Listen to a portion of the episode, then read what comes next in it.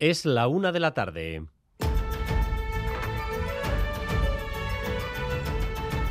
Crónica de Euskadi con Dani Álvarez.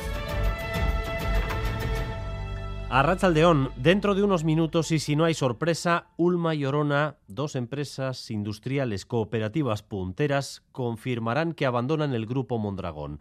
Desde las 10 de la mañana, sus socios están votando. Bueno, yo creo que es complicado. En mi opinión es complicado saber las consecuencias hasta que... Pero bueno, hay que tomar una decisión y asumirlas. No, no me parece mal.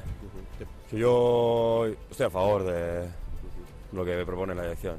Pues me parece un planteamiento interesante para los las, eh, intereses de Ulma. Nosotros venimos desde de, Zaragoza y estamos convencidos que vamos a votar que sí. Esperemos que todo vaya bien. Yo vengo desde fuera, votaré seguramente que no.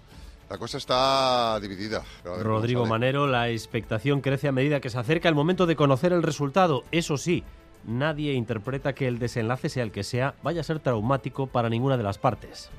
Sí, Dani, en una o dos horas, si no hay contratiempos, esperamos conocer los resultados de las votaciones que se están haciendo en dos escenarios, aquí en Iyumbe, en Donostia, los socios de Ulma, y en Hernani, los de Orona. La sensación general, por lo que nos cuentan, es que la mayoría está a favor de la salida, aunque también hay contrarios y está habiendo bastante debate. Habrá que esperar, por tanto, al resultado de las asambleas que siguen en estos momentos. Si el divorcio se consuma, Ulma y Orona tendrán más autonomía, la autonomía que querían, pero sin dejar de ser cooperativas. Mondragón perderá, perdería a dos de sus referencias industriales, pero, según su presidente, podrá sobrevivir. La preocupación ciudadana por la situación de Osakidecha aumenta. Según el Deustobarómetro, la valoración que la ciudadanía le da a Osakidecha está en su punto más bajo solo un 5.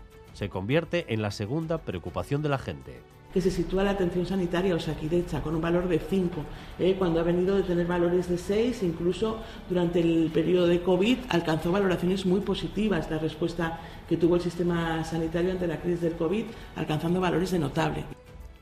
Precisamente hoy en el Parlamento la oposición ha atacado en bloque al gobierno por la situación de la sanidad pública. ¿Osakidza está peor cada vez porque no se toman medidas estructurales para, para, corregirlo? Se diría que sí. ¿Existe una progresiva privatización? Sí. Y usted ha hablado esta semana de crisis positiva de crecimiento. Me ha parecido un eufemismo. Se refiere al crecimiento de problemas porque un día sí y otro también se abre un nuevo frente. La joya de Osakidecha va camino de convertirse en un gran montón, montón de circonitas. Simple bisutería, Lendakari. Bildu, Podemos, el PP, Vox, toda la oposición criticando la situación de la sanidad pública. El Endacari, que ya lideró la respuesta a la crisis de la OSI de Donostia Aldea, ha exhibido cifras de su gestión, ahora que ha cumplido 10 años en el cargo, para rebatir esos ataques. Ninguna autonomía invierte más en salud, según Urcuyu. Hace 10 años su presupuesto era de 3.200 millones de euros y el próximo año superará los 4.600 millones. ¿Me habla usted de privatización? Invertimos 2.100 euros por, persona en salud pública.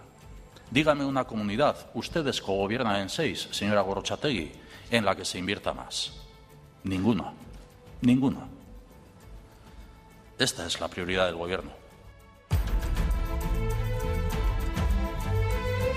Además, descubierta en Vizcaya una red de narcotraficantes que, para lavar el dinero de la droga, se habían aliado con constructores que les emitían facturas falsas. Irache Ruiz. Ganaban todos, narcotraficantes y constructores vizcaínos. Los primeros les compraban facturas a los segundos para blanquear el dinero que obtenían de la droga que adquirían en diversos países sudamericanos y de este modo los empresarios declaraban ante la hacienda vizcaína menos beneficios y defraudaban al fisco con las desgrabaciones. Los detenidos aquí han sido cuatro, once a nivel estatal. El cabecilla es un conocido narcotraficante bilbaíno que disfrutaba de un alto nivel de vida no compatible con los ingresos que declaraba. La Guardia Civil les ha incautado 200.000 euros en metálico, dos armas, una plantación de marihuana indoor y vehículos de alta gama. La campaña de EITB Marato ya para reforzar la investigación de la esclerosis múltiple encara su recta final y de momento estamos ya por encima de los 600.000 euros. Esto, además, no ha sido solo dinero. La implicación de la gente en esta campaña ha alcanzado niveles pocas veces vistos. Isabel Octavio, responsable de comunicación corporativa de ITV. La movilización social que hemos tenido con un montón de equipos de fútbol, de rugby, de en las Icastolas, de trabajadores y trabajadoras de empresas, ha sido un objetivo que hemos logrado y que ha permitido que la visualización de esta enfermedad sea más importante, sea más conocido. Todavía están abiertos los teléfonos hasta el sábado por la noche, 900-840-750 o el Bizun a través del 33478.